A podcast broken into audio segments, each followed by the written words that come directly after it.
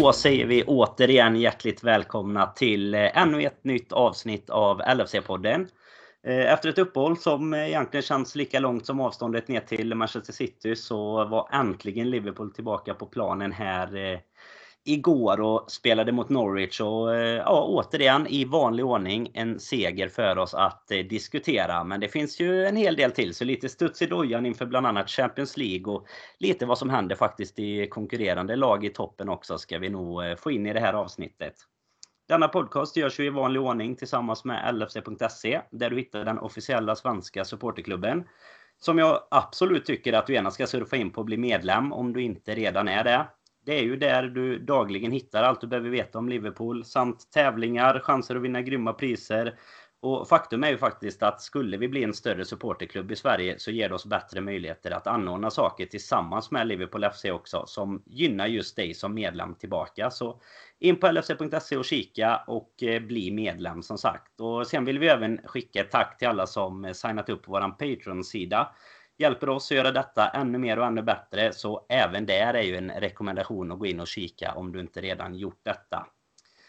Idag är vi en vass fronttrio nu. För de sista avsnitten har vi varit duos som har suttit här. Men jag har samlat ihop eh, mina. Jag har ju lite Firmino i sällskapet. Samlat ihop min Mané och Salah här för att diskutera gårdagens seger. Och givetvis vad som komma skall. Eh, Christian sitter ju en bit norrut. Vi har Jocke Lundberg som eh, vanligt befinner sig i Sundets pärla. Och man får väl börja egentligen Jocke med att fråga dig. Vad, hur bra är läget egentligen när det går så här? Och hur skulle du säga att man firar en champig blåsig 1-0-seger borta mot Norwich? Ja, det är, det det är gött i Sundets pärla. Det är hur man firar. Man firar alltid hårt och, och länge. En, Vart eh, firar man om man bor i Sundets pärla? ja, det, det, det, blir lite överallt. Eh, det blir, ju, det blir lite som i Danmark igår, en snabbis. Eh, annat. Det var det jag ville höra. Ja, det ville du höra. En klassisk tura för de som vet. De vet. Nej, men det, det, man måste ju fira detta så mycket man kan. Eh, man får ju försöka vinna överallt i livet när Liverpool vinner så mycket som de gör. Så eh, ja, så är det. För dem, om man eh, ska dra in en liten koppling till våran polare Erik Niva som har varit med här ett par gånger. Kom du med i det som kallas för Elefantklubben igår? Ja, du menar med, med biran. Eh, vad, vad är det? 6-7 bira på en halvtimme? Jag tror att det var en sexa. Det är väl sex stycken på ja. enkel resa. Det är ju, om, om någon vet hur lång tid det tar att åka över det så borde det väl vara du av oss tre ah, i alla fall. nej, det, det, jag visste faktiskt inte ens vad det var från början, den här elefantgrejen eller vad det hette. Det måste vara något från... Ja, men det är ett sånt sexpack. Ett sånt sexpack. Ja, du, är, du är ju ung såklart. Du är ung. Du, du har inte varit med. Du har inte varit med. Ett sexpack som man ska, ska dra i sig. Du har väl inte kommit upp i den åldern att du kanske börjar och, och eh, få i dig så pass många öl baserat på våra resor. Men eh, nej. Skillnad på sexpack och sexpacks, absolut. Nej, men det, det, det hann jag såklart inte. Så vass är jag inte. Det, det är resten av podden som får, får ta åt sig den uh, titeln som enorm öldrickare. Så nej, men jag, jag ligger och lurar alltid. Men sex på 20 minuter, det, uh, det är lite för mycket kanske. Nej, det är kan det gå, men ja. det kan gå. Ja, nej, det är fint. Är det. Nej, det var skönt att höra i alla fall. Det var, jag var tvungen att känna tampen på det här efter. Jag visste ju, en fågel viskade i mitt öra att du, att du försvann över sundet där. Så att det, var, det är skönt att ha dig tillbaka på, på rätt sida här igen. Sen eh, Krille har vi med oss också, på tal om eh, fina saker. Jag tänkte du kan få berätta lite om eh, ja, men vad som har hänt de senaste dagarna. Jag tror inte att någon av våra lyssnare har missat det i våra sociala medier. Men, men vi har ju haft lite eh, initiativ här även under tiden vi inte spelar fotboll som, eh, som du kan få berätta lite om. Ja, absolut. Det har ju varit fantastiska dagar för oss Liverpool-supportrar med. Men eh, känslan efteråt här nu har varit rätt så överväldigad faktiskt. Och det är ju såklart den insamlingen som vi pratar om som vi satte igång i fredags för Mattias Teng. Eh, och som vi fick avsluta samma dag för att gehöret var så himla starkt. Och bakgrunden till det var ju just det att han eh, eh, var ju med eh, på eh, Sofias Änglar eh, på tv onsdags och eh, de som såg det tror jag att alla berördes av det. Och han är ju Liverpool-supporter och det är så att förra året, våren där, så väntade Mattias och hans eh, eh fru Mimmi, deras tredje barn och ja, det som inte egentligen ska kunna hända hände och Eh, Mimmi förlorade livet efter förlossningen och de fick ut eh, bebisen men hon fick en propp i lungan och blev hjärndöd och det fanns egentligen ingenting att göra. Så att eh, familjen fick ju ta avsked på sjukhuset och det går ju egentligen inte att föreställa sig själv då. Man är själv eh, småbarnspappa och man kan inte föreställa sig den eh, liksom, sorgen och paniken och chocken som det måste vara. Så att eh, ja, när jag i alla fall såg det här så kände jag att jag ville göra någonting och det är klart via podden och med er grabbar när vi snackar ihop oss. Vi vet ju att vi kan nå ut starkt via våra kanaler och vi vet ju vad Liverpool-familjen också gör i sådana här eh, sammanhang. Så att eh, vi hade ju eh, liksom en tanke att vi skulle få iväg han på en resa till Liverpool med en, en vän eller en bror skor eller så vidare. Så att eh, vi körde ju en kampanj och tänkte ha den i, i två veckor. Men det räckte ju med 6-7 timmar bara ungefär så hade vi ju dragit upp eh, strax över 60 000 kronor och det är ju fantastiskt. Och Därför vill jag ju skänka även genom eh, podden här nu ett stort tack till alla som har bidragit och det var ju eh, donationer allt mellan 2 kronor till 5000 kronor. Så att eh, det gick väldigt snabbt och därför som sagt vill jag skänka ett stort tack till alla och hylla alla där ute. Det är ni som är riktiga hjältar som har fått oss att kunna ge det här till Mattias för att få ett break i vardagen. För vi förstår ju att sorgen att gå igenom det här och ta hand om tre små barn ensam även om man såklart har sin familj som stöttar så det är ingen som kan egentligen föreställa sig det. Så eh, det kommer delas upp lite de här summorna. Så vi kommer få iväg eh, Mattias och eh, antagligen då två av hans bröder som är Liverpool-supportrar till Liverpool nästa säsong. Och sen så blir det även en upplevelse för familjen och hans döttrar då där det har hintats lite om Astrid Lindgrens värld. Eh, och sen kommer det även bli en donation till Hjärt och lungfonden som det ser ut nu då, som han själv har valt eh, på grund av det som hände. Så att det är ju någonting man kan fortsätta skänka till och bidra om man känner att man vill eh, ja, skänka en liten slant. Om man inte hann med i våran kampanj så kan man ändå skänka till Hjärt och lungfonden. Um, så det är väl egentligen det. Och som sagt, det har varit, ehm, de här dagarna har varit helt fantastiska när det kommer till det. Jag har gått faktiskt lite här själv och känt, ehm, man har varit lite både tårögd och glad och samtidigt som man tänker på det hemska. Så att det har varit eh, dagar där man verkligen fått känna på mycket känslor. Men uh, återigen, det är fantastiskt hur Liverpool-familjen sluter upp. Och så vill jag även nämna det att det var även många från andra supporterled som skänkte pengar så att man lägger undan klubbfärgerna när det kommer till lite mer seriöst seriösa saker. Så att vi, vi vill även tacka alla dem där ute som kommer från andra led som har faktiskt valt att skänka till Mattias. Så jättestort tack från oss i podden för eh, allt det fina engagemang. Det är bara att skriva under på allt det du säger där Krille. Det är ju helt eh, sjukt vad, vad mycket värme och vad mycket generösa och fina människor eh, det finns där ute. Det märker man. Eh, som sagt, vi blir rätt överväldigade allihopa. Vi eh, hade väl tänkt eh, med förhoppningen att vi, vi ska kunna lösa en resa, som du säger, på två veckor i alla fall. Men eh, fick, eh, fick stoppa alltihop egentligen där på fredagskvällen. För det blev, det blev för mycket helt enkelt. Och vi kommer även, lite som du var inne på och nämnde, vi kommer även lägga upp en länk sen när vi redovisar beloppet eh, exakt och allt vad det kommer gå till så kommer vi även lägga upp en länk till Hjärt-Lungfonden där så att alla de som... Eh, ja men de som... Jag vet att det finns många för det är många jag har fått svara och som ni andra också fått svara i, i podden på våra olika konton eh, som har velat swisha ännu mer. Så det, det, kommer finnas chans att göra det den vägen istället. Och även lite andra företag och sånt som hörde av sig till oss och, och skickade mm, presenter och, och, saker och så till eh, Mattias. Och, eh, nej, otroligt eh, vackert och som du säger både,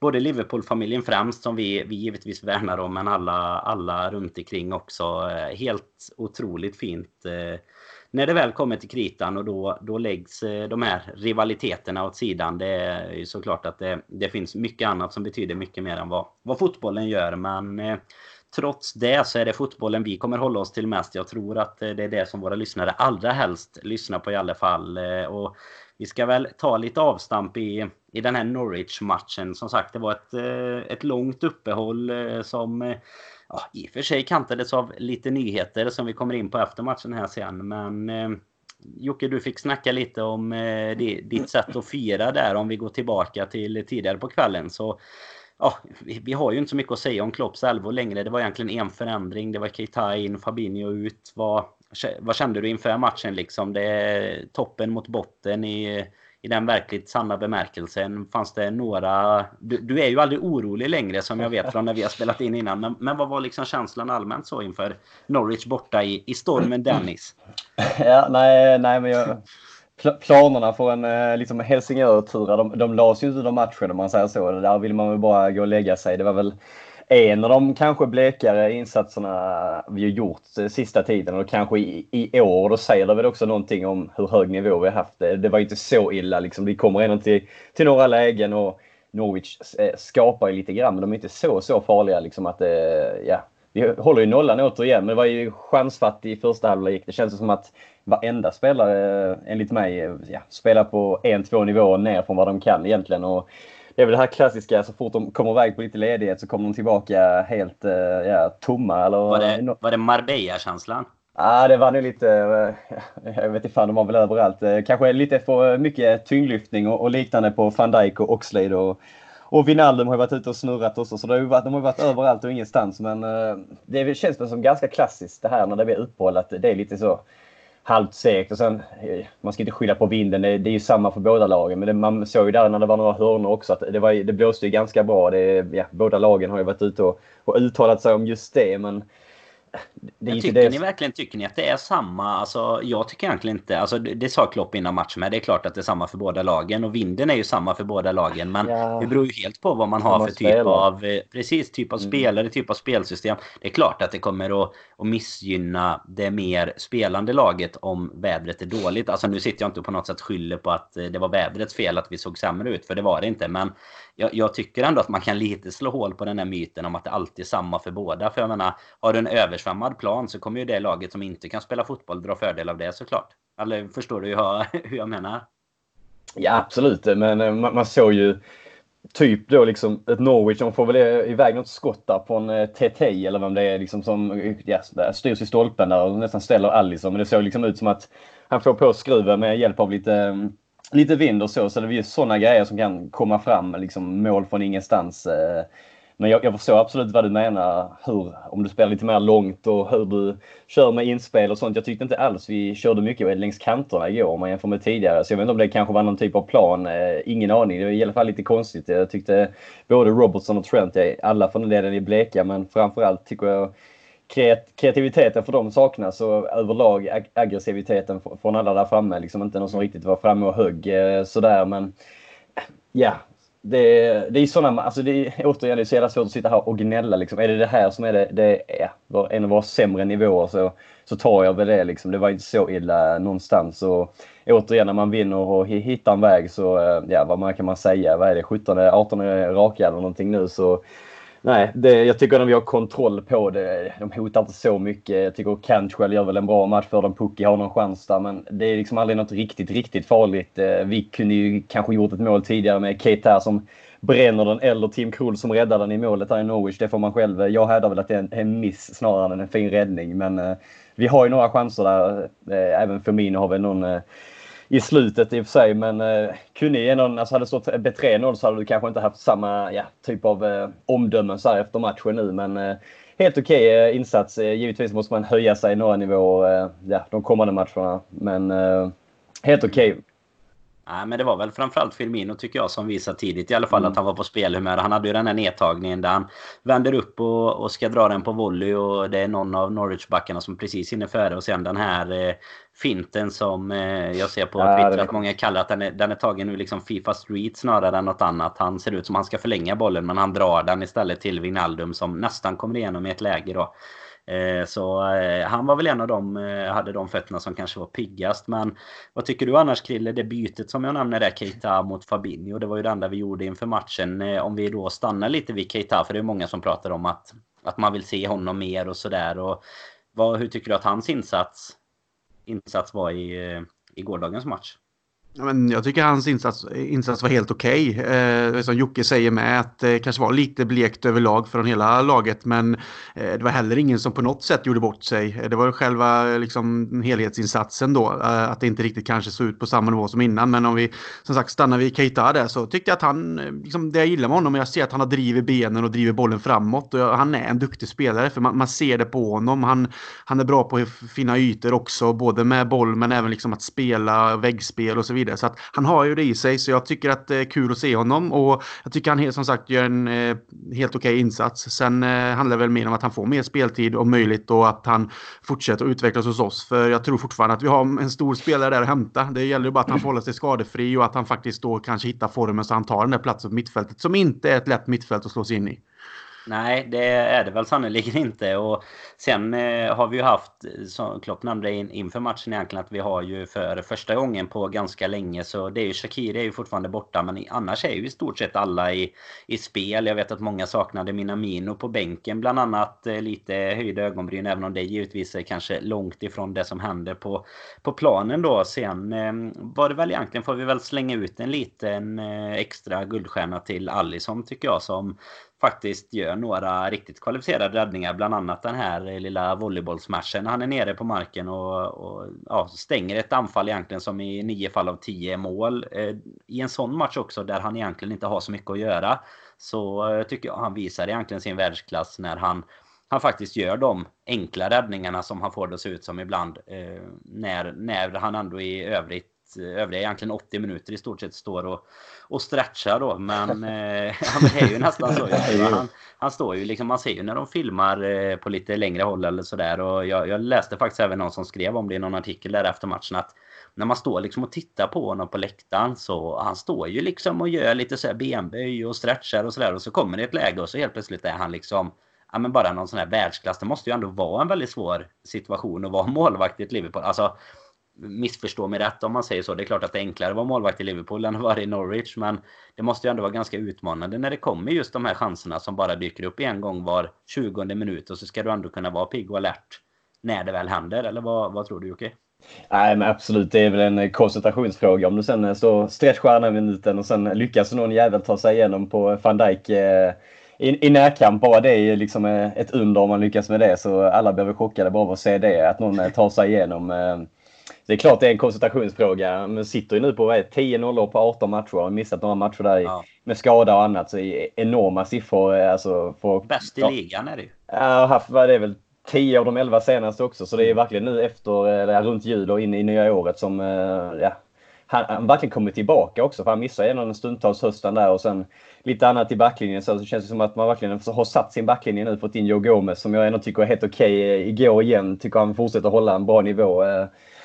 Har satt backlinjen liksom och det är, det är just det som gör att Alisson kan stretcha lite och, och, och sådär. Att han vet vad han har framför sig. Det, det är ju liksom fem, fem försvarare och eh, alla håller ju mm. enorm klass när det kommer till att försvara sig och när det väl gäller så han vet ju vad han har framför sig också och därför han vågar göra vissa av de här passningarna och sådär. Men det är som du säger också att han helt, eh, alltså kan han stå liksom, ja, eh, tio minuter och egentligen inte haft någonting att göra. Sen så kommer ett skott liksom, eller någonting han ska göra och då är han ju jättesnabb med reaktionerna och koncentrationen. Så just det är väl hans främsta egentligen. Eh. Men vi var inne lite på det sist också. Alltså, han får ju saker att se så enkla ut. Eh, lite halvt nonchalant kanske, men alltså på, på ett fint sätt om man säger så. Att han ja, bara stå och chilla lite där. Skulle nästan kunna stå och grilla en, eh, någon köttbit som man brukar göra vid, vid stolprutan eller något sånt. Och så bara kommer det en chans och så bara dyker han ner eller boxar undan eller vad det nu kan vara.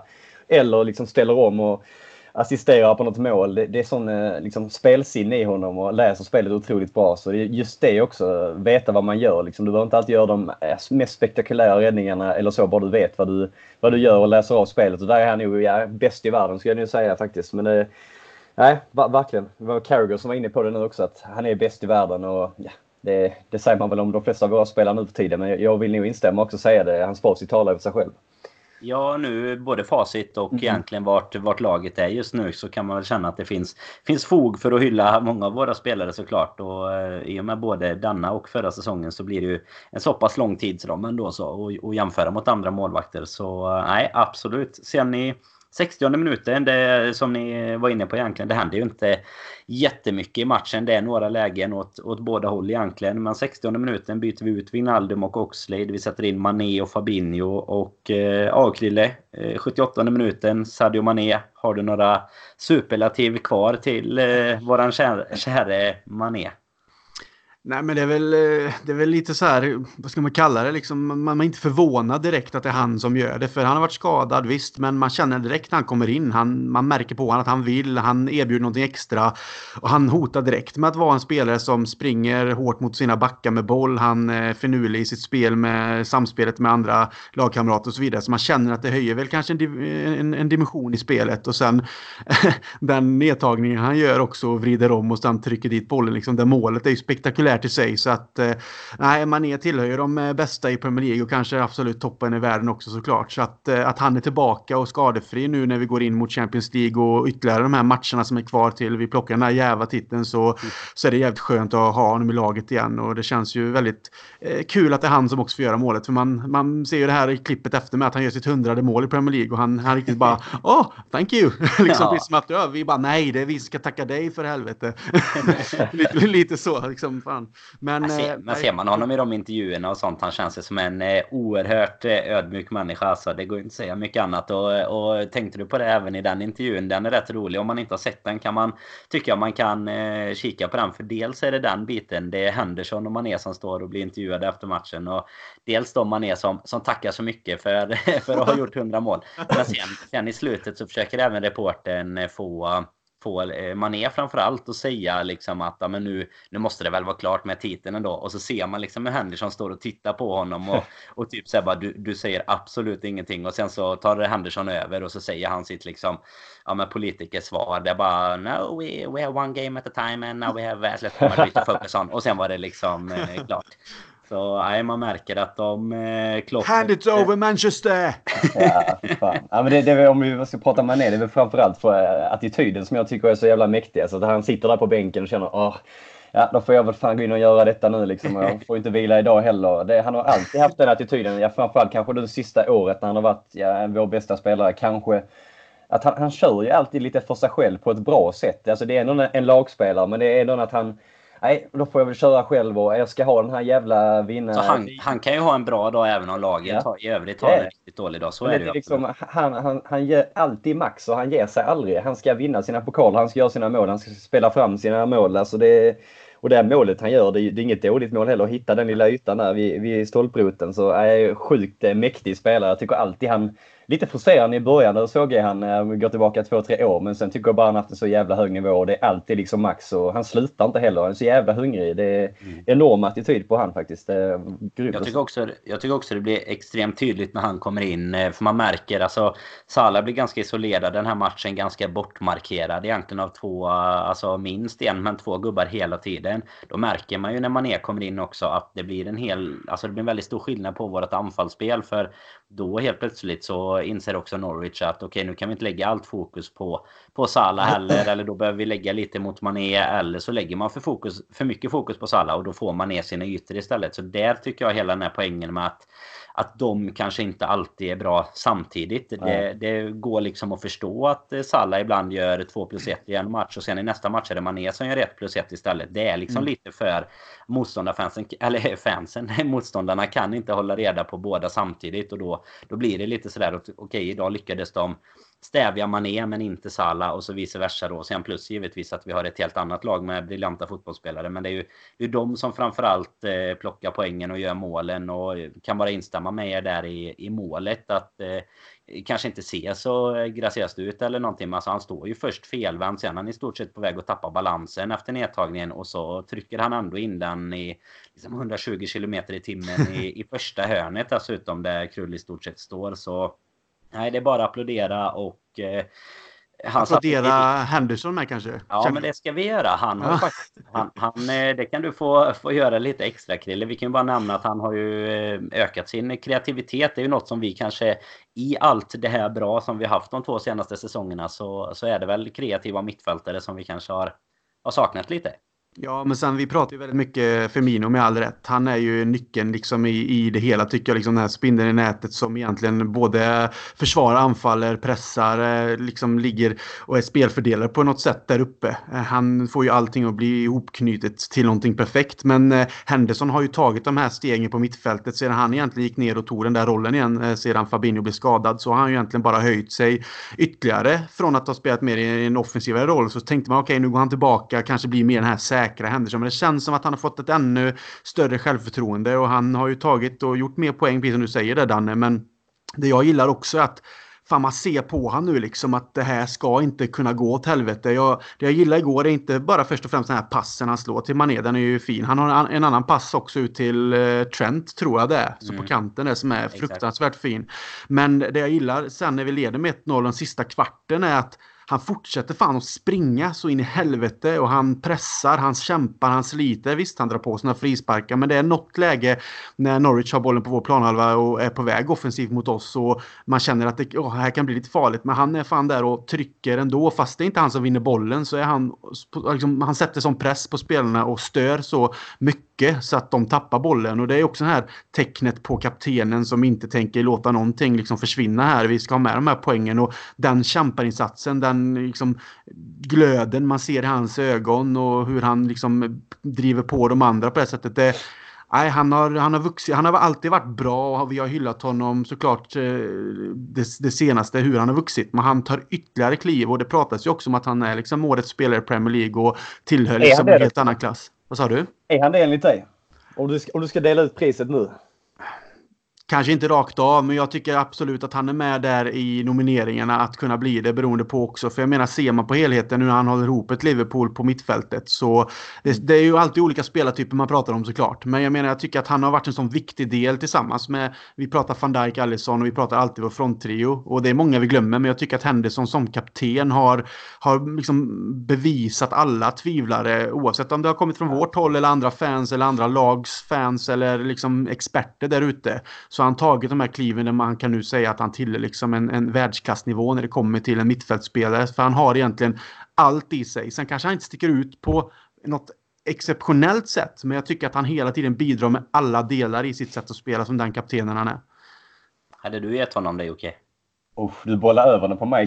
Krille gav inget svar utan han snackar bort det på ett så jävla fint sätt. Eh, så då, då får jag den. Ja, men man känner så att eh, van Dijk fick det förra året så han skulle mycket väl kunna få det igen, men det känns väl lite som att få han det två år i rad. Eh, jag hade nog faktiskt tagit eh, Mané om man ska gå på helheten. Men sen så är det ju någonting alltså, fint i det hela och ge det till Henderson sett i historien och allt han har varit igenom och hur han nu liksom ja, erkänt är kapten för kanske världens bästa lag eh, och hur han liksom leder laget. För det, vi ska inte glömma, som Krille var inne på mycket, att eh, lite så unsung hero. Han gör mycket som kanske inte syns alltid. Jag tror han är sjukt viktig i ett omklädningsrum och ja, utanför planen överlag. Eh, så jag absolut skulle Henderson kunna få det och vi såg ju nu när Fabinho skadade sig i ja, november eller vad det var. Då kände jag också liksom, fan ska man eh, klara sig utan Fabinho nu som var kanske i sin, i sin livsform. Mm. Eller stoppa Henderson in och till och med gjort lite poäng, eh, mål assist där under de här två, tre månaderna. Så, ja, men... Jag har ju även sett honom som mittback i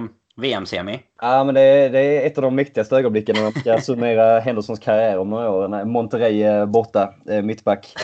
nej, men, eh, nej, men faktiskt, det, jag känner väl någonstans att eh, så som han har steppat in när liksom Liverpool väl vinner ligan för första gången på 30 år så kanske ändå ett självklart val eh, och en, en av de som gjorde det möjligt. Ja, Nej, men jag, jag, det, är lite som Krille säger, det är svårt. Det, det är så ja. många. Det, det, är nästan som kasta, kasta slant och får man se vad det blir. Det, det, nästan den nivån är det ju.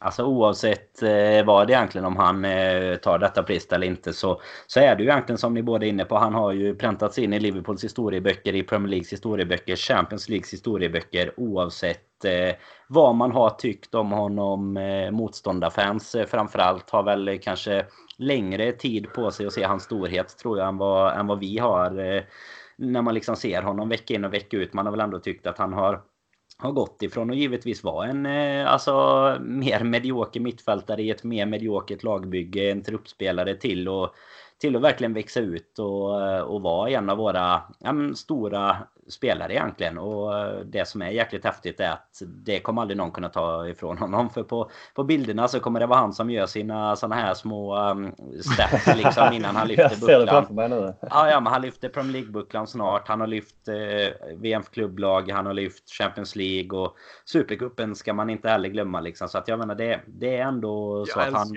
Jag älskar ändå, förlåt om jag avbryter, men jag älskar hur du liksom bara säger här liksom att han lyfter snart Premier League-bucklan och han har lyft det här och det här. Och jag vet ju att det fortsatt sitter de där ute och all respekt till det som liksom någonstans, ja men det är en match i taget och det är inte klart förrän det är klart och så vidare. Men, det är jag som fan. är den personen. men, men jag menar, fan nu, jag svarade en kille på Twitter, i, om det var igår eller idag, kommer inte ihåg, men det var också liksom, fan man njuter, man, fi, man har firat nu i några veckor nästan, man fortsätter fira ännu mer för vi fortsätter vinna. Det, det är five to go liksom Liksom. Det, det är bara att försöka bygga upp det och bygga upp det hela tiden. För att när det väl är klart så kommer ju allting explodera. Så det är bättre att njuta nu ja. än att sitta still. För men, vi vet... Ska, men det, tycker man kan göra, det tycker jag man kan göra ändå även om man inte, som du säger, även om man inte säger att det är helt klart. Jag sa ju det när jag och Jocke spelade in sist att har jag väntat i, i 30 år liksom så kan jag ju vänta fem matcher till. Om det är nu det som behövs för att det ska vara matematiskt klart. Men det tar ju inte ifrån det att man sitter och njuter varenda match. Och sen om vi nu skulle ha tappat poäng mot Norwich igår så hade jag nog inte suttit och varit jättenervös för att det bara hade varit 23 istället Nej. för 25 poängs ledning inför Citys eh, uppskjutna match här nu då mot eh, West Ham på onsdag. Men eh, nej, som sagt, jag, jag, jag, tror man kan... man, man, får liksom ta sig i kragen om man inte kan njuta av det här läget. vet att det finns vissa motståndarfans, jag såg det senast idag, som försökte provocera lite med att så här, det är ju tråkigt att vinna ligan på det här sättet. Men Jocke, är det tråkigt att vinna ligan med, med 25, poäng, 25 poängs marginal? Ja, alltså det är bland det värsta man, sättet man kan vinna på. Jag hade hellre tagit eh, uh, 10 kryss och 6 förluster än att vunnit ligan. Ja, men det är klart, det är klart alltså det här vi får uppleva nu, det är de här tre, fyra gångerna kanske under 2000-talet, beror på hur du räknar, där vi väl har jagat och det har varit så här att man har ändå vetat att vi är någon spelare eller två från kanske laget som eh, vann eller skulle vinna, alltså i truppmässigt och i första lagsmässigt. Man har ändå känt det här att det har varit avgörande i 92, 3-2, 5-4, ja, 3-3. Det har varit sånt hela tiden. Och då kan man inte njuta på samma sätt. Och så det, alltså, vi har varit inne på det förr. Det har antingen varit att man leder med tre poäng och ska fortsätta hålla, hålla sin ledning eller ska man jaga ikapp fyra poäng. Man har ju hela tiden haft puls på 150 genom 190 eller vad fan man säger. Och just nu sitter man ju liksom bara där och ler liksom så, bara myser och vet liksom att Ja, vi har 22 poäng och lite som du sa igår Danny, alltså, jag, jag, har man vunnit så många matcher i rad och det kommer ju komma någon gång, eller man vet ju inte, vi kanske inte förlorar alls, men alltså jag blir inte förbannad om det väl händer för det de har gjort är så jävla överjävligt bara det. Nu sitter man bara och, och myser och njuter så då, då ska jag fan med njuta och mjölka det så mycket jag kan när det har gått 30 år och när man bara mått skit de andra gångerna man fått uppleva dem. Jaga ligan då för att det har varit väldigt mycket kniven mot strupen och, och mer hack i hälarna överallt. Så nej, nu är det bara att njuta. Det, så här enkelt blir det inte mina vänner. Ja, men jag tror eh, det måste vara en av de, nu vet jag inte om det bara är för att provocera, men det måste vara en av de största missuppfattningarna att det på något sätt skulle vara mycket tråkigare att efter 30 år vinna på det här sättet. För jag menar, det finns ju inget, det, det är ju som du är inne på, man sitter ju bara och njuter för varenda match som går. Eh, man vet i stort sett som du säger också Krilla att snart kommer det vara, vara klart. Det kommer vara dags att lyfta. Det kommer vara dags att ta, ta de här små eh, mikrostegen som Henderson gör. Jag menar, det är ju det är inte så att man tycker och sitter och och våndas och tycker och nej vad, vad mycket roligare det har varit att ha ett Agüero-avgörande 3-2 mot QPR. Ja, liksom, och suttit, man hade ju suttit och varit halvdöd om man ja, under det med 2-1 i en avgörande match. Det är ju jag, jag inte. Den, det är den kan mäktigt. vi väl bara stryka va? Ja men det är ju mäktigt om det skulle vara så. Men skulle man själv vara vid liv då? Nej det är inte säkert. Ja, det, så det, det, hellre, hellre lugnt och fint att vara vid liv än att få en eh, hjärtattack vid det tillfället och, och missa hela skiten. Ja, men sen allt med att vi slår alla rekord och sånt här också. Det är ju bara, bara en sån sak som vi håller på med nu. Så det, detta är ju något som vi kommer kunna liksom ha med oss som en av de bästa säsongerna. Om vi nu inte totalt eh, klappar igenom det sista liksom, så, så kommer det ju vara en av de bästa säsongerna någon, något lag någonsin har gjort. Det är den bästa starten som något lag någonsin gjort och sådär. Och sånt lyfter man väl hellre med sig än att man minns att det var ett eh, liksom sent avgörande eh, i sista matchen som avgjorde. Eller i, i alla fall jag skulle ju hellre sitta och prata om det om tio år att eh, vilket jävla lag vi såg eller ser kanske om det fortsätter såklart. Mm. Det, det, skulle alla supportrar göra till vilket lag det egentligen är. Ingen skulle sitta och säga så. Ja, när vi vann ligan 2020, när alla lagen var så bra, när alla, när alla slog alla. Och, det, så snackar man inte. Det är där, varför pratar Arsenal om sin liksom obesegrade säsong 15 år senare, 17 år senare eller vad det blir. Det är ju för det är något speciellt och något unikt de gjorde då och något som vi också kan göra nu. Det, det är inte många som gör det eller ens kommer i närheten av det. Så det är ju ganska självklart. Eh, att, att det är liksom... flera lag som har fått fler poäng också. Du mm. lite på det med Arsenal där. Alltså det, är ju, det är ju inte så att de har tagit flest poäng i ligan någonsin. Men det är ju den segern man kommer ihåg. För att de var invincibles. De förlorade inte. Och det är klart att det är det som, som är det stora givetvis. Alltså även om vi skulle förlora en match så kommer inte jag bli mindre glad för ligan för det. Men det är ju fortfarande så att det kommer pratas om laget på ett annat sätt om, mm. eh, om 20 år. Om vi inte förlorar kontra om vi faktiskt förlorar en match. Ja, grabbar. Så är det. Vi, ja. eh, vi har snackat eh, mycket om eh, en match som eh, det inte hände så mycket om. Men vi har snackat mycket kring Norwich också. Vi har mycket kvar vi ska hinna med. Vi ska ju äntligen gå in i Champions League här om bara egentligen 48 timmar igen. Vi sitter ju här söndag och spelar in detta. På tisdag är det dags för Atletico Madrid eh, borta. Men eh, jag tänkte att vi ska gå in på lite den stora nyheten utöver matchandet i Premier League också som har hänt här senaste veckan. Ehm, du kan väl få börja lite där Jocke. Det är ju givetvis eh, Manchester City jag pratar om. Det pratas om eh, två års avstängning i Champions League. Det blir dryga böter och nu pratas det även om att, eh, ja, att FA, alltså engelska FA, kanske kommer att behöva göra någonting också om det blir poängavdrag retroaktivt från föregående år, om det blir poängavdrag i ligan nästkommande säsong och så vidare ehm, mycket händer i våran eh, värsta konkurrent som är 25 poäng bakom. Eh, kan, kan ta Trots fusket! Trots fusket! Trots fusket, ja. Nej, var, var börjar man? Herregud, det är så mycket. Det är som ett Big Brother-hus det här. Eh, ja, någonting. Det är ju... Eh, nej, men det är som du säger, det ska vara ja, två års avstängning från Champions League och då 300 miljoner i, i böter. Eh, sen snackas det om att det här ska ha skett mellan 2012 och 2016. Att de då har inte följt Uefas eh, Financial Fair Play-regler och, eh, och liknande. Det ska ju vara att ägaren då liksom eh, via Etihad, att det är han som har betalat in sponsorintäkterna på 67,5 miljoner pund.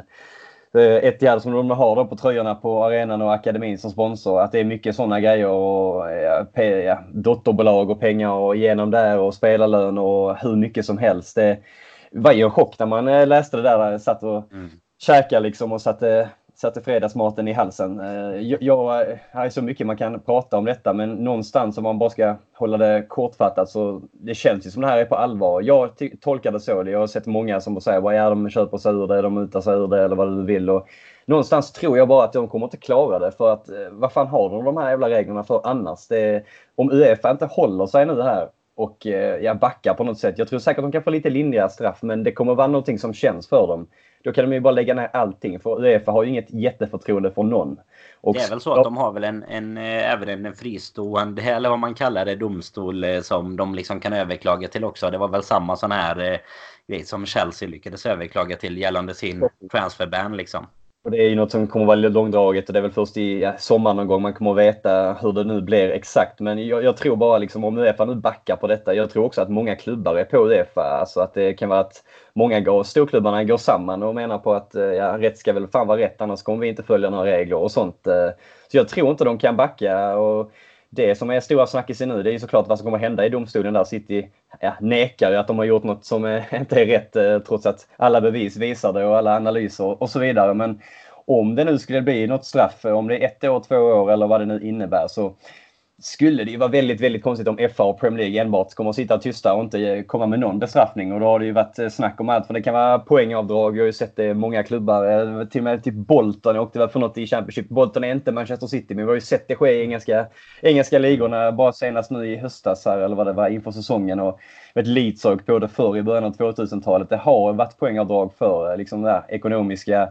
bestraffningar och, och sådär. Men alltså herregud om de skulle vara utan Champions League i två säsonger. Det är enormt med både publik, eh, och det är TV och dragningskraften överlag eh, med spelare och, och locka in dem. Och just City, om de nu skulle åka på två här, alltså det är det, är det de kämpar för. Det är Champions League. Det är det som är mm. deras liksom, uh, holy grail. Det är det de vill ha. Och skulle de nu bli avstängda. Alltså, ja, vad händer med Guardiola? Vad händer med spelarna? Och eh, som sagt, det, det, är massvis med pengar de kommer att tappa på att inte vara med där. Och det, jag läste någonting om att om de nu skulle eh, ja, inte få vara med, då är det liksom att eh, pengar som de tappar som också gör att de kanske inte kan värva och istället måste tvingas att sälja spelare för att de då ska vara OK i böckerna som man säger när det, när det ska presenteras eh, ekonomiska resultatet. Så det, om de inte får vara med så kan det också slå dem på det sättet att de måste göra lite andra ja, försäljningar och dylikt för att eh, få ihop ekonomin. Och nu när de har så mycket ögon på sig så måste de väl verkligen följa det och de granskas ju jättenoga skulle jag tro. Så eh, Nej, det är inte kul att vara Manchester City, men eh, skit ska ha skit och följer man inte reglerna så är det väl det här eh, som, som eh, de ska ha helt enkelt. Det är väl bara fan en ja, vinst för fotbollen att om det här nu går hem hela vägen. För, det här har, ju, har, man ju snackat om hur länge som helst. Jag tror mm. det är säkert många andra lag som också sitter i, ligger i farozonen. Så nej, bara fortsätt Uefa. Då kan ni fan vinna lite respekt i Jocke Lundbergs ögon om ni nu står på här. För det får fan vara nog. Liksom. Annars kan ni bara lägga ner fotbollen helt. För i så fall har ju eh, pengarna och fusket vunnit annars. Eh, jag vet inte, vad känner ni?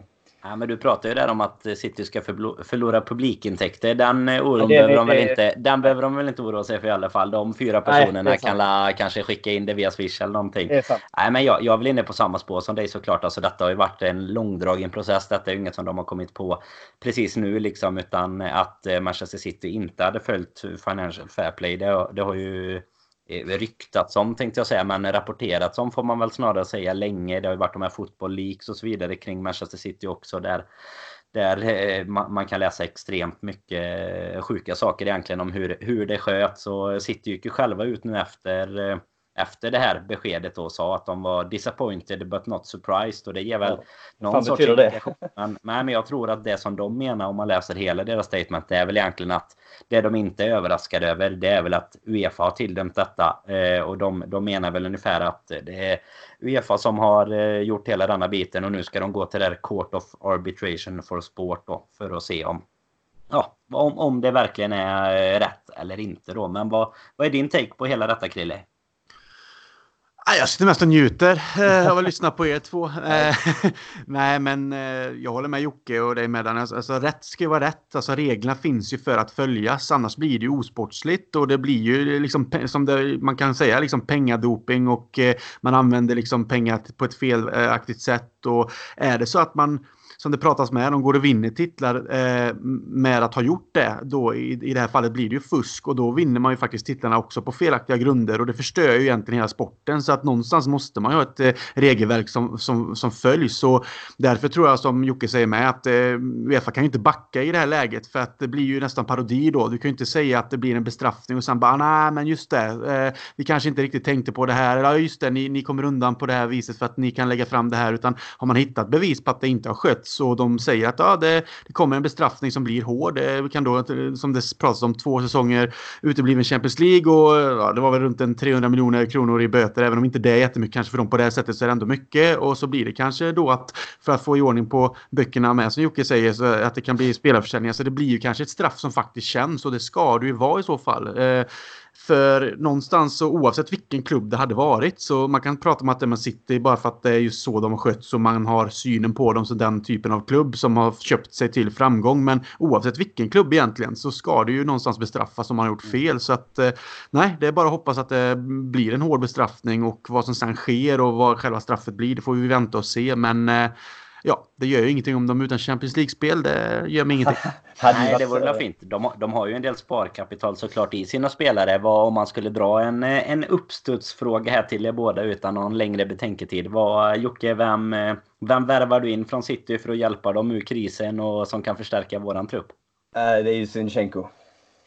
nej, för helvete. Den får du fan förklara. Nej, det var ju, det var ju så mycket lögn och, ja. och sådär. Men nej, det, det är väl såklart eh, De Bruyne. Eh, det, det finns ingen som honom och han är deras överlägset bästa spelare på högsta nivå kontinuerligt vill jag hävda. Sterling han har haft sitt här och han är, ja, nej, han är alldeles för ojämn. Så KDB är såklart. Men jag vill bara säga att det hade varit så jävla mäktigt om vi hade vunnit två eh, ligatitlar på samma säsong. Vem fan har gjort det? För, för det ryktas ju att de kan bli fråntagna bucklan där 2013-2014 säsongen när de vann med två poäng eh, före oss. För det här ska liksom vara tillbaka till 2012 och med, mellan 2012 och 2016. Så vi kanske vinner två pokaler den här säsongen. Det hade ju varit någonting.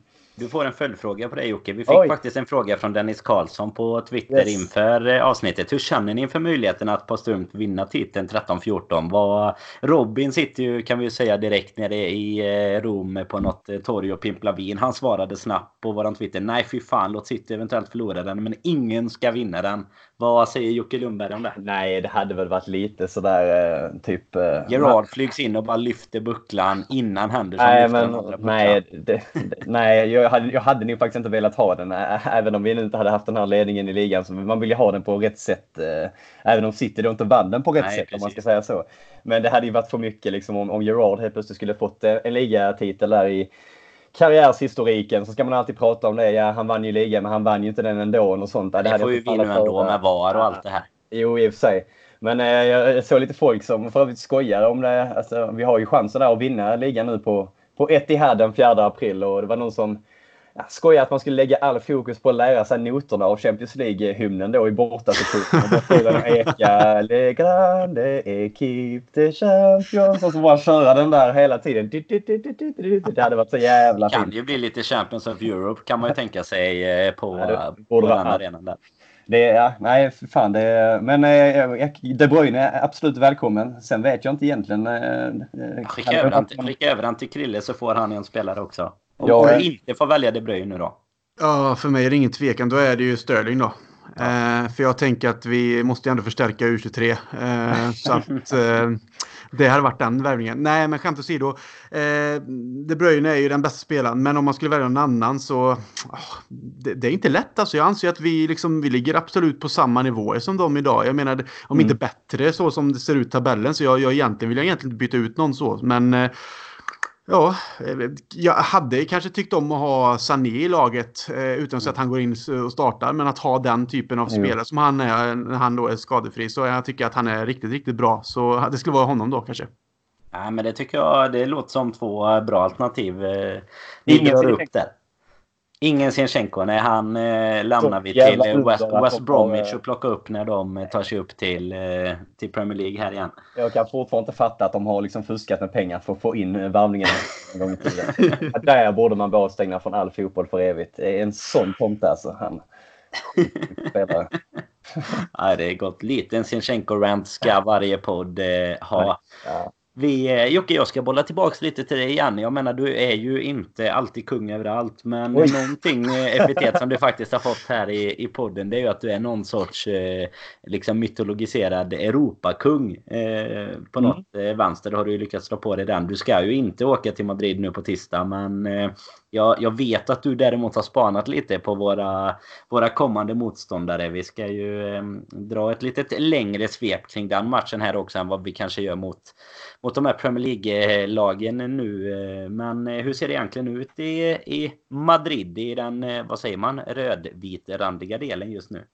Ja, vi får inte glömma Getafe heller eh, om vi ska prata hur det går för Madrid-klubbarna här nu för tiden. Men eh, det är just det Atletico som har blandat och gett den här säsongen. De Spelar 2-2 i helgen här mot eh, Valencia och inför matchen nu eh, mycket skadefrågetecken på ja, bland annat eh, Jao Felix, Costa och Trippier spelar i Tottenham och även Hector Herrera som har gjort lite matcher på mitten. Ingen av dem spelar eller den satt på bänken i helgen då mot Valencia. Och de hade ledningen två gånger om men tappade ändå och det är väl ett Atletico som någonstans står här och väger inför den här matchen. Alltså ligger, har på 24 matcher, 10 vinster, 10 kryss, 4 förluster, 4 i ligan och bara gjort 25 mål framåt på 24 matcher. De har ju alltid varit starka defensivt under Simeone. Det har vi sett. Alltså det är ofta 0-0, 1-0. Alltså de här vackert på sitt sätt får man väl ändå säga. Alltså de har ju lyckats och gått i finaler och vunnit pokaler innan. Men det känns väl som att Just nu går det lite mer knackigt. Om i och för sig bara förlorat en match och är hemma den här säsongen. Så det är, det är såklart annorlunda att möta Atletico på,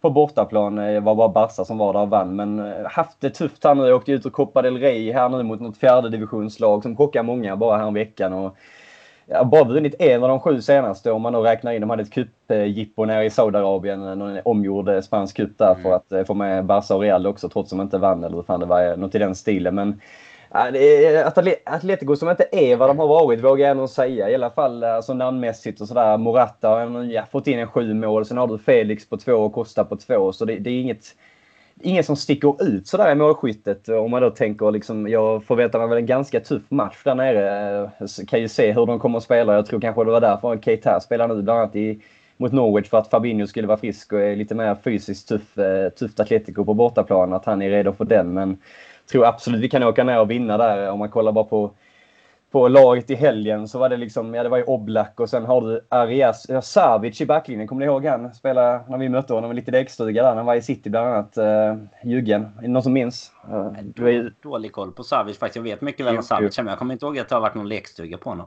Jo, det har det alltid varit. Sen, sen har vi Sen har vi Felipe, Renan Lodi, Vitolo, Saul, Kocke har ju varit där nu under året. Mm. Det är väl en lite sådär trotjänare parti. Sen har vi Jorente och det är inte den Jorente. Och sen Korea från start eh, längst fram. Jag får känslan lite så här att det lite Bayern München eh, volym 2 från förra året. Alltså så lite halvknackigt, kanske behöver en, ja, inte generationsväxling kan bli fel ord för det är nog lite unga lovande spelare i dem. Men det behöver liksom ändras lite i laget och vad det är kan jag inte sätta finger på. Men åkte ut ur cupen, liksom helt okej okay ligaposition men inte riktigt hotande. De kommer inte, ja, kommer och hotar inte liksom om, eh, om första placeringen som Real har då. Och lite så väg, eh, vägen står här och vad händer med dem? Att de kanske måste steppa upp det här. Det är lite så kände jag för Bayern München också. De var ju snarlik position när vi fick möta dem eh, förra året där. Lite tränare, osäkert och ligan och hela den biten. Sen slog det mig alltså när man satt här och tänkte på Atletico Madrid. Jag tror jag har mött dem några gånger och man är så jävla sugen på revansch där från 2010. Eh, Kommer ni ihåg den? Mm. Diego Forlan i Europa League-finalen. Förlängning, 17 minuter kvar. Han kommer in och gör eh, deras bortamål. Förlorar vi. Vi vinner med 2-1 men vi, vi går inte vidare ändå. Han satt en knäckt eh, Jocke Lundberg 15 år där. Och kan vi också lite beskylla det att de sedan eh, förlorar finalen mot Fulham och gör att vi sen får Roy Hodgson, hela jag den Roy Hodgson också på det. Alltså, hade vi väl gått dit och vunnit den kanske man även hade sluppit Hodgson. Så vi, vi får skylla Hodgson på Atletico också. Så det är mycket tänk, vinna här på tisdag. Tänk på mig då. Jag var på läktaren den matchen, fick uppleva det och sen fick jag uppleva Hodgson. Det är liksom bara det, att vara nära där. På det sättet. Ja, det är fan hundår. Om Krille, fick de, Krille fick de fina. Du tog hundåren för, eh, för oss andra. Det får man verkligen säga. ja, men det, är en bra, en bra spaning där Jocke. Det är som du nämnde det första där faktiskt. Så är det ju kanske lite så också att de har. De är ju lite desarmerade just nu med, med Costa, Kao Felix. Eh, framförallt kanske framåt då på, mm. på skadefrånvaro. Vad det verkar som även mot oss då. Så Trippier jag har faktiskt lite halvdålig koll på om han egentligen spelar ordinarie för dem hela tiden. Men han, eh, han är ju i alla fall eh, skadad med. Sen finns det en liten, jag ska inte kalla det Liverpool-koppling, men du har ju en bänkspelare i Atletico. Vet du vad jag tänker på då? Jajamän. Ja, stenkoll på bänken i Atletico här. det eviga ryktet det kändes det som i typ tre eller fyra raka transferfönster till oss. På, det var ju på den tiden transferfönster också. Eller det var ju typ då när, när man, det var liksom det som höjde. Det var det som höjde våra, mm. våra säsonger ungefär. Även om det var under klopptiden liksom så är det ju inte under den tiden vi upplever nu riktigt. Men vi kan ju även, om man isolerar lite bara Champions League för dem också. De gick ju vidare i en grupp där egentligen Juventus eh, vann gruppen. De hade Leverkusen och eh, Lokomotiv Moskva som åkte ut. Och som du var inne på, samma där. De förlorade ju inte en enda match hemma, men eh, förlorade två matcher borta. De spelade lika mot eh, Juventus då som eh, väl får, får, likna det närmaste laget som eh, går att jämföra med oss i mm. den gruppen. Eh, men Krille, vad är din känsla inför matchen och vad, vad hade du liksom varit nöjd med att eh, komma ifrån Atletico Madrid med? Vad, vad, är, vad är känslan? Känslan är ju att man alltid ska ha stor respekt för dem just för att de arbetar hårt. Det är ett hårt arbetande lag under Simeone. De har ju alltid varit, trots att de har haft eh, fixstjärnor och riktigt eh, fina lirare, så är som Jocke säger, de har alltid varit stabila defensivt. De har alltid haft grovjobbare på mitten och de har liksom tränaren, såklart managern då, är ju en gammal slitvarg på mitten också. Så det ligger väl någonstans i hans DNA. Så att jag tror att man ska ha respekt och, och komma dit med liksom en stor kämpaglöd. För det blir ingen lätt match. Men eh, när du säger att vara nöjd, jag menar, jag tror ju att lyckas vi tar ett kryss på bortaplan så hade jag varit nöjd med det. För jag tror att vi absolut kommer kunna köra över dem på hemmaplan med vårt spel med Anfield i ryggen och i den formen som vi är. Men eh, såklart, skulle vi få in ett mål på bortaplan så eh, tackar man ju bara tar emot. Men jag är nöjd med ett kryss om det kommer till det och så kan vi ta dem på hemmaplan sen. Nu eh, är ju myten om Jocke Lundbergs förluster lite död, men han ska ju över känner jag till på eh, hemmamatchen. Så eh, hade ju varit skönt att ta med sig en seger från eh, bortaplan med Jocke. Eller kan du, kan du garantera en seger när du åker över på hemmaplan? Och kan du även ge alla lyssnare lite känslan vad, vad Liverpool kan... Nu såg ju du i och för sig inte Atletico Madrid när du var på plats på deras arena sist, men vad, vad är känslan för Madridarnas arena i ditt hjärta? Nej, men det är som du säger, jag är ju en avgörare så då åker jag dit och avgör. Eh, jag tror, jag tror det blir rätt överlag två tajta matcher. Skulle jag tro. Det beror ju på som vi nämnde där med skadorna de har i offensiv väg. Skulle de inte kunna hinna bli klara i tid så tror jag väl de ställer extra extra defensivt eller så. Men då har vi också vårt ja, arbetarmittfält eller vad vi ska kalla det som jag sagt förr. Det blir kul att se dem mot det här typen av laget. För vi har ju nu aldrig ställts mot ett lag som är som Atletico eller som har Atletico varit eh, alltså med den typen av av spel med vårt eh, spel mot deras spel. Så det blir en, en rolig match så om du ska vara, zooma ut lite och inte bara supportögon och nervositet och allt såklart som man har. Men, eh, intressant att se hur de clashar liksom spelstilarna.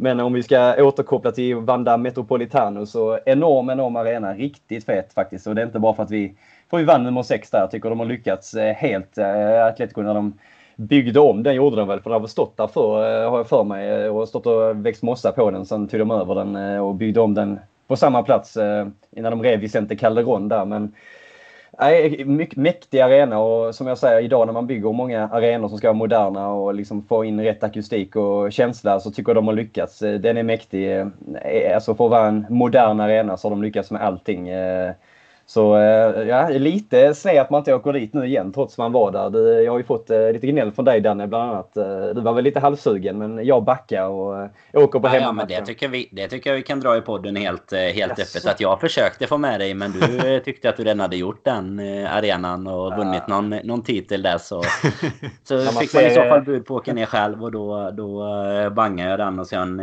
Sen Nej, bokar vi en annan match istället om någon månad. En månad idag faktiskt, exakt är det ju till vi ska ja. åka du och jag igen. Och, och våran, eh, våran hjälte i Rom också, Robin såklart. Ja, romaren, han är ja. allt. Men, eh, men det, som du säger, det någonstans, eh, som sagt, jag, jag tror det kan bli tuffare än man tror. Men någonstans, man blir fan inte förvånad heller om det bara är att vi nu ska jag inte ha för mycket hybris, men att vi, vi, vi tänker ju som här, Porto är inte samma lag, men ni fattar lite vad jag tänker på när jag säger Porto borta 5-0 jag tror inte det blir så här. De håller ju oftast tätt ändå. Men de har ju problem med målskyttet och har bara släppt in 17 mål på 25 matcher i ligan. Så de har ju ändå det i sig trots att det kanske inte är de här tappat några spelare inför säsongen. Där Godin bland annat som är någon var där, legendhjälte där. Eh, kapten var han väl också. Så eh, förvånar mig ändå inte om vi bara åker ner och, och tvålar dit dem. Jag hoppas ju där är lite spänning eh, till, till matchen på Anfield bara för att jag har ju bränt många av de här comeback-matcherna vi har gjort under Klopp så tänkte nu kör jag en Anfield istället så hoppas vi förlorar med 3-0 där nere och vinner med 4 på hemma.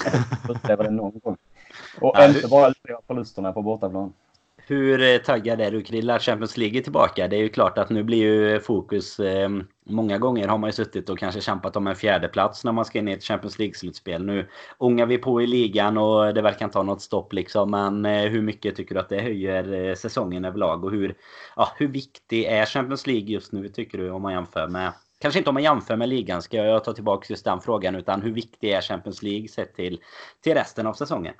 Ja, först och främst tycker jag att det är grymt att det är tillbaka för att det höjer eh, veckorna, alltså vardagen när det är Champions League på tvn och allt vad det innebär. Det är, liksom, det är någonting väldigt vackert och fint i det. Eh, sen så tycker jag ju liksom att eh, med den ledningen vi har i Premier League eh, så finns det ju absolut, jag menar man hade väl gått för det ändå, men här har vi verkligen utrymme för att liksom satsa ordentligt. Vi är regerande mästare så att varför inte försvara våran titel och ta, den, eh, ta en andra raka liksom. Jag ser oss som favoriter fortsatt. Jag menar vi, vi är ju där med andra lag såklart och det, vilka man får möta och det är lite tillfällen och så vidare. Men vi är absolut en av de största favoriterna, om inte kanske den största. Och vi har det i oss. Vi vet vad som krävs nu. Vi har liksom smakat på frukterna tidigare så att eh, som sagt, med poängläget i Premier League så finns det liksom ingenting som säger att vi inte ska satsa på Champions League. Även om det personligen för mig är såklart viktigast att plocka Premier League-titeln. Men varför inte gå för allting när vi ändå är det laget som vi är? Det är bara att köra på. Sitter vi med den ledningen som vi gör också så är det ju lite som du är inne på. Det kanske inte finns någon, någon jätteoro för att vi ska eh, liksom lyckas tappa det där egentligen. Utan i detta läget så är det väl bättre att bara köra och sen när eh, går vi vidare och det är dags för kvartsfinaler då är, kan ju faktiskt ligan redan vara avgjord. Så, eh, så ser man det så så är jag inne på samma spår som dig. Vi, vi kan även skicka över till dig då Jocke fråga. Kalle och Robin satt ju och körde ett litet eh, frågeavsnitt förra veckan i brist på matcher och diskutera. Då hade de ju bland annat eh, fått frågan eh, om det var viktigare att gå obesegrad i ligan eller eh, om man satsar mer på Champions League. Vad, är det ett enkelt svar för dig där? Ja, absolut. Eh, det där jävla om, om, du, om du sätter en eh, pokal i Champions League eh, bredvid mig eller, eller en final säger vi, om vi ska dra ner det lite jämfört med obesegrade så det är givetvis Champions League alla dagar i veckan. Jag skulle nog fan kunna höja Champions League så mycket. Liksom, så hade, vi, hade vi inte haft det här 30-åriga i ligan så är det alltid Champions League som är prio nummer ett för mig. Det är liksom Ja men det är det alla ögon riktas dit och det är där man är kungarna och vi har ju det i vår tradition och DNA i klubbmässigt. Liksom Kings of Europe, även om vi inte har flest, att det finns andra klubbar i Europa som har fler pokaler än oss. Men det är ändå liksom det här lilla mytomspunna runt oss. Och, som jag, ja, det är något unikt med Liverpool i Europa som man alltid ser. Och för min del så är det alltid Europa före allt. Så jag hade jag hade tagit en Champions League-final eh, sen hur det har gått före och gå obesegrad alla dagar i veckan. Inte ett snack. Tredje raka, vem fan har varit med om det liksom? Nej, men precis. Det ska man inte glömma som du är inne på heller. Att det, det är ju givetvis eh, alltså kraftgången i, sett i antal ligatitlar som gör att, att Premier League är det som har växt ut och blivit liksom, eh, ja, men the obsession för Liverpool-fans, spelare och allihop ja. egentligen. Men, men eh, annars är det ju, alltså tittar du på spelare och klubbar i övrigt så är det ju Champions League som, som gäller om man säger så. Sen för Liverpool-spelarna är det säkert Premier League för de vet hur, hur gudaförklarade de kommer bli av alla, alla fans liksom. Men eh, det är klart att eh, en viktig aspekt tycker jag som du lyfter. Det är dit liksom ögonen blickas till där prispengarna är som störst mm. och så vidare. Vilket gör att spelare, nu, nu är vi kanske inte ett jättebehov av att plocka in nya spelare. Men man har ju bara sett under de åren där vi har kämpat om en fjärdeplats hur viktigt det var när vi väl har tagit en fjärdeplats. Att man har kunnat lyfta in ytterligare spelare som vill spela i Champions League kontra, eh, ja egentligen spela. Ja alltså, men även längre tillbaka egentligen. Alla namn vi tappar liksom mellan säg 2010 och 2013, 14. Alla stornamn som de sen har växt ut till när de gått till andra stora klubbar. Eh, ja, ni alla känner till vilka det har varit som ryktas, men eh, liksom i sista minuten så har man inte kunnat locka med det där eh, riktigt, för man inte har varit med i Champions League. Så du har helt rätt i det du säger. Eh, inte ens om man fick eh, lova att du får spela bakom Ricky Lambert mot Ludogorets borta så lyckades vi Nej, inte det, locka till de hetaste namnen. Ja, det är magiskt. Men, men jag, och jag kan väl bara stryka, stryka under det du säger. Jag, jag hade inte heller kunnat bry mig mindre om vi förlorar de fem sista matcherna. Om vi får vinna en Champions League-pokal istället. Jag har en sån här till dig där. Om vi drar ner det lite. Om vi säger så, en bortamatch mot Valencia på stranden eller gå obesegrade i ligan. Och du vet inte vad som händer där i Valencia om vi går vidare eller inte. Men du får sitta på stranden med eh, någonting och eh, ja, jämföra det med gå obesegrade ligan. Vad väljer du? Vad tror du jag väljer? Nej, jag, jag, tror att du väljer, jag tror att du väljer Valencia. Ja, det gör jag. Jag hade jättegärna åkt till Valencia också. Jag kan säga så här om jag ska ge ett lite mer eh, sånt eh, eh flytande svar så kan jag säga så här att hade vi varit i Valencia så innebär ju det att chansen till en Champions League-pokal fortfarande finns. Därför väljer vi Valencia före att gå obesegrade. Eh, det, men det som vi pratade om innan, jag tycker att det är obesegrade, det är snarare någonting som hade varit jävligt häftigt för framtiden. Man vet hur laget, hur det kommer pratas om det, men vi kommer ändå ha gjort en sån sjuk säsong. Vi kommer antagligen att lyfta den här pokalen och det är ju det som spelar roll för oss. Alltså hade någon sagt innan säsongen hur viktigt det är att gå obesegrade så hade ju ingen, det var ingen som brydde sig om det utan allt handlar ju om att vi ska kunna ladda om från en andra plats. Vi ska kunna ladda om från en Champions League-seger och nu ska vi vinna den där jävla ligan liksom. Så nej, jag vet inte Krille. Vad, eh, håller du med oss eller tycker du att vi är vi är ute och cyklar i Valencia någonstans. Nej, jag håller ju med att i långa loppet är det ju Champions League. Som sagt, alltså det, det, är ju, har det varit hela tiden. Jag menar, jag, jag ser tillbaka på mina år i England. Det var inget Champions League-äventyr överhuvudtaget. Det var Europa League som var högst. Liksom. Det var vad jag fick uppleva när jag ändå bodde där. Sen det var en av fått... feta matcher, Kille. Ja, absolut. Bolton borta, Blackburn, Wigan, alla de där jävla hålen. Men i alla fall, det är mer... Det, är liksom, det var kul i sig, men om man ser till Champions League så har man ju fått uppleva grymma matcher efteråt såklart. Men om man ser på det sportsliga, allting som ni har inräknat och vad det faktiskt betyder. Absolut, i det långa loppet, Champions League, alla dagar i veckan, alltid. Försöka vara med så långt det bara går, vara i toppen, vara i världstoppen blir det ju på det sättet. Men precis som Danne sa här, att på grund av de 30 åren som har gått och de gångerna vi har tappat ligan, vi inte har nått hela vägen fram, kan vi bara nå över den tröskeln och få lyfta den jävla pokalen så tror jag att vi liksom har lagt den ryggsäcken bakom oss och kan fortsätta ja. kämpa för Premier League med det laget vi har. Men vi kommer också alltid ha fokus på Champions League för det är den nivån vi har nu att vi kommer kunna slåss på alla fronter. Så att vi får ju bara som sagt njuta av att vi är ett topplag nu som kan vara med i de här turneringarna och slåss om de finaste pokalerna. Så att Premier League kan vi vinna den, då är det underbart och vilket jag, tror, vilket jag tror att vi kommer göra. Men har vi gjort det som sagt en gång så kan vi gå efter det sen ändå fast på ett annat sätt och då kommer Champions League alltid vara den stora pokalen. Så, som sagt att vara Kings of Europe. Det, det sticker jag inte under stolen med. Men just nu är det Premier League för mig. Så hade jag fått vaska en av dem här och nu så vaskar jag absolut Champions League-pokalen. Ja, definitivt. Kanske med det utgångsläget vi har också. Men sen får man ju inte glömma att vi, när, när, när vi pratar Krävs om det här med... segrar. Alltså, och slår, Ja. slår vi ut Atletico så har vi antagligen vunnit ligan till en kvartsfinal i april där, mellan Brighton, eller Aston Villa-matchen är det väl. Så eh, vi ska bara vinna fem matcher och lösa på resultat mot Atletico. Så, Lite så- sådär, bara bara, vi kör. Ja, det är väl lite, li, lite så det känns just nu när vi bara radar upp segrar. Och ska man prata om liksom vilket legacy man lämnar som både trupp och om man pratar klopp och sådär. Att oavsett om man, om man går obesegrad eller inte så kommer ju an, antalet pokaler alltid räknas eh, viktigare än, eh, än om man gick obesegrad eller inte tror jag. Visst, man pratar om, om Arsenal och så vidare eh, på ett helt annat sätt just den säsongen. Men det är också den säsongen man pratar om. Alltså kan du prata om en period där Alltså nu, nu får man ju ta i trä på detta men alltså om vi, om vi kan fortsätta prestera på världstoppen i 3, 5, 7, 10 år till liksom eh, så är det klart att det är antalet pokaler i slutändan som kommer vara det, det absolut viktigaste och det är ju det som, som man firar. Alltså man kommer inte gå ut den, den dagen vi väl lyfter ligan så kommer man fira men jag, man kommer inte fira extra eh, den gången bara för att man kanske har gått obesegrad. Men vinner vi Champions League till exempel så får man ett firande till och då, då får man det dessutom i en båt på Bosporen med Jocke Lundberg Åh, på sina axlar. Så eh, nej, jag vet inte. Det, Blå moskén det gör ju att jag måste välja Champions League. Ja, det är gött. Ja, vi ska innan vi börjar att knyta ihop säcken här så har vi ju vårat eh, viktigaste segment såklart också. Vi ska ju hjälpa alla våra lyssnare och eh, ja, Twitterföljare framförallt får man ju säga då eftersom det är på Twitter vi har våran tävling så ska vi ju skicka våra eh, ja, men experttips får man väl kalla det även om vi sällan har rätt. Eh, Vi ska även passa på att hylla Dennis Pettersson som satte sin tredje seger totalt varav de två senaste bara nästan inom en, en månads eh, tid här nu i senaste tipstävlingen med 1-0 mot eh, Norwich och fyra minuters felmarginal bara. Och, eh, Nästan jag... orakelform. Ja, nästan orakelform. Jag eh, hade nog... eh, Jag, jag hade inte tippat i podden, men jag kan säga att jag hade över två och ett halvt mål på, någon annan, på något annat ställe. Så att, eh, nej, Dennis var bättre än mig där. Och för att få tillbaka den då Jocke, var Atletico Madrid tisdag borta. Vad slutade den matchen? Eh, 0-1 Mané. Krille? 1-1.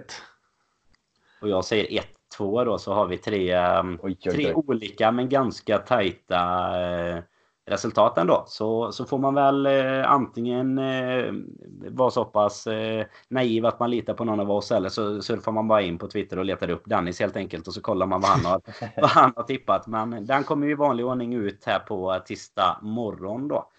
Eh, annars eh, grabbar så ser vi väl egentligen bara fram emot eh, Champions League-matchen. Det är, sen fortsätter det ju nu under våren. Det är Champions League, det är FA Cup, det är Premier League i fokus. Så eh, det är väl inte så mycket annat vi behöver ta med oss från idag va? Eller vad känner ni?